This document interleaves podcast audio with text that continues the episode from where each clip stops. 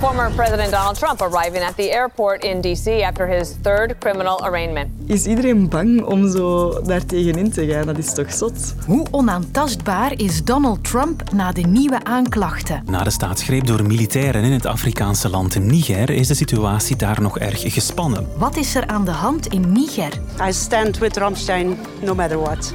Sorry. Als je geen fan bent, is het makkelijker om te zeggen... Om maar daar gaan we nu toch niet naartoe, ja, ja, tuurlijk. dan als je wel fan bent. Hè? En de fans laten Ramstein niet vallen. Hoe trouw zijn we aan onze idolen? Tijdens de zomer verpakken we de actualiteit van de week in een kwartier. Ik ben Sophie van der Donk.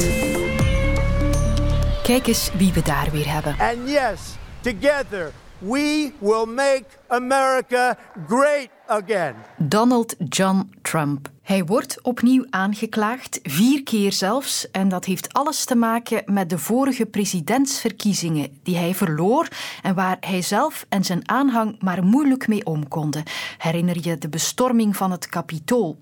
Professor politicologie en Amerika-kenner Peter van Aalst vat de aanklachten samen. Eigenlijk wordt Trump niet zozeer beschuldigd voor wat er allemaal precies op de 6 januari fout is gelopen, de rellen, de chaos die we daar hebben gezien, maar veel meer voor het echt niet aanvaarden van de verkiezingsuitslag en het proberen illegitiem aan de macht te blijven. Dus dat gaat veel verder. Eigenlijk wordt hij beschuldigd van een soort staatsgreep te hebben gepleegd in een democratisch land. Dat gaat over vele jaren gevangenisstraf als het zover komt. Dus dat is niet niks. Dus het gaat niet over een symbolische zaak die we hier hebben. Moest de man effectief veroordeeld worden, dan kan hij jaren achter de tralies verdwijnen. Een stevige boterham. Ik zou even slikken, maar Trump stond al vaker in de rechtbank en het tast zijn populariteit niet aan. Hij staat in de peilingen op één om opnieuw de republikeinse kandidaat voor het presidentschap te worden. Trump lijkt soms onaantastbaar, maar is dat ook zo? Volgens Amerika-kenner Willem Post zal hij in de rechtbank in ieder geval niet onaantastbaar zijn. Er komen daar spannende tijden aan voor Trump. Het is natuurlijk heel erg riskant dit. Want kijk, hij heeft een absoluut zwaargewicht eh, van een, eh, van een speciaal aanklager tegenover zich. Hè. Jack Smith, die in, in, in Den Haag bij het strafhof jarenlang heeft gewerkt. Die hoofdaanklager was ook van het Kosovo-tribunaal in Den Haag. Zeg maar de zwaarste misdadigers die je je maar kunt voorstellen, heeft hij voor zich gehad. Dus dat is iemand die uh, nou niet bepaald uh, angst heeft voor Trump. In, in Den Haag staat hij wel bekend als een soort van juridische bulldozer. En belangrijker, zo staat hij ook in Amerika bekend. En die 45 pagina's die hij als toelichting nu al heeft weggegeven.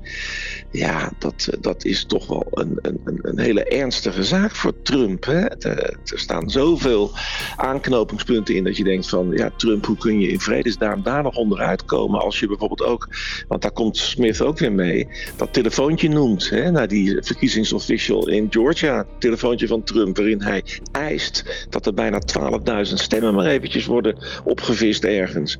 Ja, dat, daar kun je je bij voorstellen dat een jury die moet worden samengesteld, daar met rode oortjes weer naar gaat luisteren hoe dat allemaal in elkaar zit. In de Republikeinse partij daarentegen is Trump wel zo goed als onaantastbaar, vertelt onze collega Tom van de Wegen vandaag is Trump de partij geworden. Ik herinner me nog heel goed tijdens zijn campagne in 2015. Ik was toen correspondent. Ik volgde toen uh, die campagne. Als outsider-kandidaat werd hij de topfavoriet. Uiteindelijk is hij president geworden. En geleidelijk heeft hij heel die Republikeinse partij overgenomen, zelfs gekaapt. En, en natuurlijk durft de top van de partij daar niet meer tegenin te gaan. Hè, uit schrik mm -hmm. om ja, veel Republikeinse kiezers tegen de borst te stoten en, en te verliezen. Hè. Zelfs iemand als Kevin McCarthy, hè, de Republikeinse voorzitter van het Huis van Afgevaardigden. Twee jaar geleden zei hij nog ja, dat Trump verantwoordelijk was voor de bestorming van het Witte Huis. Wel, die zegt nu gewoon dat deze aanklacht een, een manier is van de regering Biden om de aandacht af te leiden van beschuldigingen tegen zijn eigen zoon Hunter Biden. En dat dit alweer een aanval is op de koploper van de, van de mm -hmm. Republikeinse presidentskandidaten. Dus ja, het is niet zonder reden dat de top van de partij hem blijft steunen, want Trump heeft die partij stevig in handen. Maar wat Trump nog het meeste aanbelangt, dat zullen toch waarschijnlijk de Amerikaanse kiezers zijn. Volgens professor Peter van Aalst zien we daar een gemengd beeld. Ik denk eerlijk gezegd dat hij de Republikeinse verkiezingen uh, zal winnen. Daar wijst alles op. En ik denk ook niet dat deze rechtszaak, dat echt, of deze aanklacht, dat echt zal veranderen. Zoveel Republikeinen geloven ook echt dat die verkiezingen gestolen zijn. En dus zij volgen hem in zijn grote leugen, zoals we zeggen. Dus die mensen gaan hem nu niet plots laten vallen.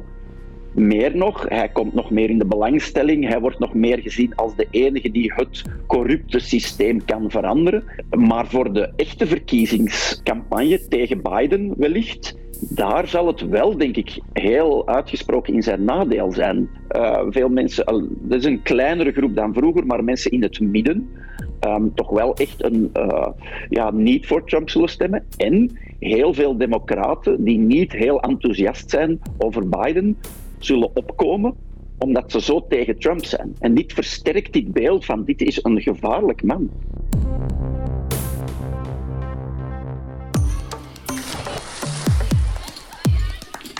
Het is heel ingewikkeld natuurlijk, hè, maar ik, uh, ik zal mijn best doen. Dit is Katrien van der Schoot, onze Afrika-experte. En ze probeert met mij te reconstrueren wat er aan het gebeuren is in Niger in West-Afrika, waar militairen op 26 juli de macht gegrepen hebben. Op die dag eh, zijn militairen van eh, de presidentiële wacht binnengevallen in het presidentieel paleis. Ze hebben president Bazoum gegijzeld en dan ja, eh, de staatsgreep uitgeroepen met een nieuwe leider, generaal Tchiani. L'action du CNSP est motivée par la seule volonté de préserver notre chère patrie. Gesteund door de buurlanden Burkina Faso en Mali, die zeggen dat ze hen ook zullen steunen. Aan de andere kant heb je dan West-Afrikaanse landen die zeggen nee, wij komen de afgezette president Bazoum steunen. En die president krijgt nog altijd ook veel steun van het Westen. Maar zoals het er nu naar uitziet, kan het leiden tot een conflict. Dat kan heel gevaarlijk worden voor de regio. Of ze kunnen nog proberen om het te ontmijnen door onderhandelingen. Maar het ziet er niet echt naar uit dat president Bazoum nu snel opnieuw aan de macht zal komen. Dat zijn de gebeurtenissen in een notendop. Een aantal kernwoorden hoor ik eh, sinds die staatsgreep terugkeren, Katrien. Het is een instabiele regio met oprukkend moslimextremisme. Ja, maar je mag het ook niet te simpel voorstellen. Al bijna tien jaar is het daar helemaal instabiel geworden en zijn verschillende groepen, moslimextremisten, maar ook etnische groepen, bijvoorbeeld de Tuaregs, die allemaal opkwamen voor hun eigen gebied, hun eigen belangen, zijn daar ja, aan het muiten geslagen. En um, dat heeft geleid tot heel veel instabiliteit in die regio. Ik noem Mali op, ik noem Burkina Faso op, ik noem nu ook Niger en een beetje verder. Heel die band van west naar oost is allemaal instabiel, met nu onlangs ook nog problemen in Sudan, waar een echt conflict is uitgebroken. In Tjaad is het instabiel, dus dat dreigt toch allemaal als een soort van domino-spel nu uh, om te vallen en heel de regio nog meer instabiel te maken. Niger was vroeger een Franse kolonie, maar uh, ja, nu zijn de gevoelens daar anti-westers anti-Frans. Zo lijkt het er wel op. Hè. Het is natuurlijk opgeklopt in de sociale media, dat anti-Franse gevoel. Ook door de Russen, die daar nu ook al aanwezig zijn in de regio met die Wagner-militie. En dat leeft wel onder de bevolking, dat de Fransen er al zo lang zijn, maar dat ze nog de onveiligheid, nog de armoede hebben kunnen oplossen, ondanks al die miljoenen steun van de voorbije jaren. En dat is wel een gevoel dat heel erg naar boven is gekomen nu, ja. De Russen en eh, de Wagner-militie, daar eh, had je het net ook over. Hoe groot is die dreiging in de regio daar? Ik denk dat die toch wel uh, reëel is. Hè. Wagner heeft gezegd, ja, uh, wij gaan ons daarop concentreren, op Afrika. Ze zitten niet alleen daar in de regio, in Mali, waar ze het regime steunen, in Burkina Faso ook, maar ook in de Centraal-Afrikaanse Republiek. En er is de vrees dat ze dat willen uitbreiden, dat ze daar een ware olievlek van willen maken. En dan gaan natuurlijk uh, de stekels recht staan bij de westerse landen, bij andere West-Afrikaanse landen die ook nog een beetje onder die westerse invloedssfeer zitten. Van nee, dat mogen we niet laten gebeuren gebeuren dat Wagner zijn invloedssfeer daar uitbreidt. Want er spelen ook nog, en dat is toch een ander aspect, heel veel economische belangen. In Niger uh, zit een zeer grote uraniumvoorraad. Een derde van de lampen in Frankrijk branden met uranium dat uit Niger komt, bijvoorbeeld. Dus er spelen zoveel economische belangen dat het, uh, ja, dat, dat ook wel speelt in heel dat uh, geopolitieke spel dat er nu bezig is in de, in de Sahel daar. Dus toch wel veel redenen om dat met grote ogen te volgen. Absoluut. Nu, ja, wij hebben uh, onze landgenoten teruggehaald. De Fransen hebben hun landgenoten teruggehaald. Hè. De minister van Buitenlandse Zaken van Frankrijk zei: we moeten de veiligheid van onze mensen daar garanderen. En dat zegt toch wel iets over de manier waarop ze naar die landen kijken. Ze kijken niet naar de plaatselijke bevolking zelf, ze kijken naar hun eigen belangen. Je moet daar toch wel oog voor hebben voor het perspectief van, van de plaatselijke bevolking en wat zij eigenlijk zelf willen. Het is hun land, het is niet ons land en dat vergeten we soms wel eens. Dat iemand excentriek is, dat kan je soms gewoon horen. Ik wil dat mich goed ziet.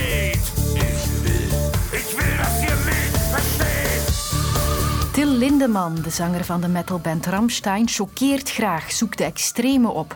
En daarmee is hij Duits cultureel erfgoed geworden. Maar nu krijgt hij af te rekenen met beschuldigingen van seksueel grensoverschrijdend gedrag. Dat gaat dan over vrouwen of meisjes ronselen tijdens concerten, hen drogeren en seksueel misbruiken. Er loopt een strafrechtelijk onderzoek. In tijden van MeToo en sociale media die je zo aan de schandpaal kunnen nagelen, kan dat je carrière kraken. Maar voor Lindeman en Ramstein lijkt dat goed mee te vallen. Ze zijn neergestreken in Brussel voor drie uitverkochte concerten in het Koning Boudewijnstadion. Dat maakt ongeveer 150.000 fans die de beschuldigingen duidelijk niet aan hun hart laten komen.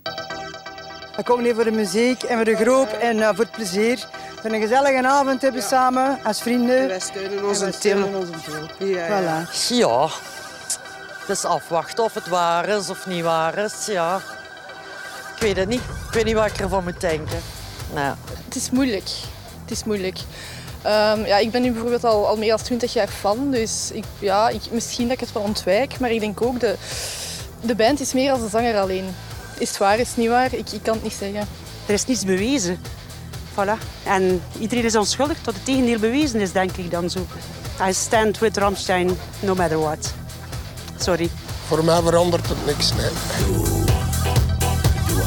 Opvallend toch in tijden van cancel culture dat de fans Ramstein niet laten vallen. Ik ben Stijn Zoe, ik ben uh, professor uh, communicatie en media aan de vakgroep communicatiewetenschappen van de Universiteit Gent. En hij legt uit waarom we zo trouw zijn aan onze idolen.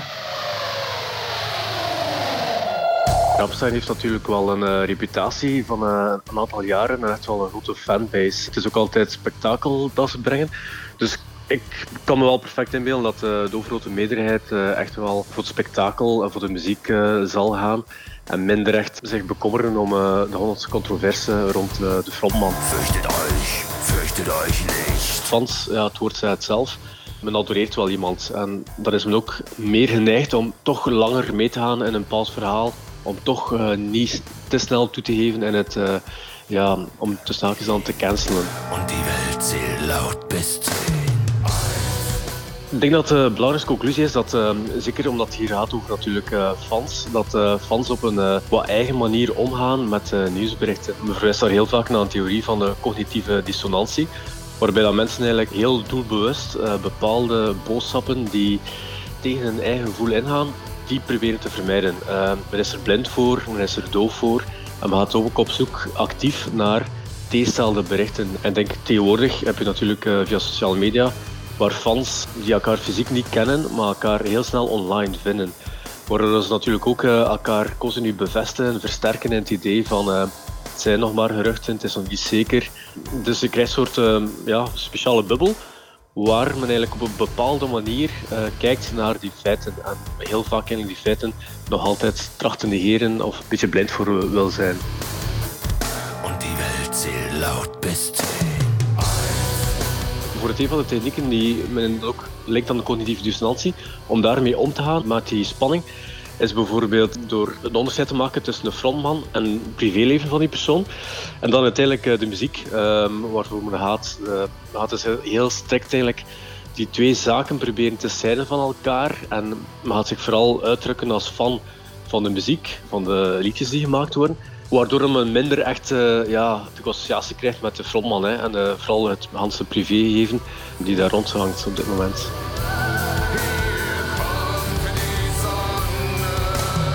Op dat vlak mogen we Ramstein geloven. Tegen het volgende kwartier komt de zon helemaal terug. Tijdens de zomer zijn we elke vrijdag met een nieuwe aflevering. De strafste, meest onbekende of net opvallende verhalen uit een onuitputtelijke belpopgeschiedenis. Die ontdek je met kenner Jan Delvaux in de podcast De Dikke Delvaux. Nu in de app van VRT Max.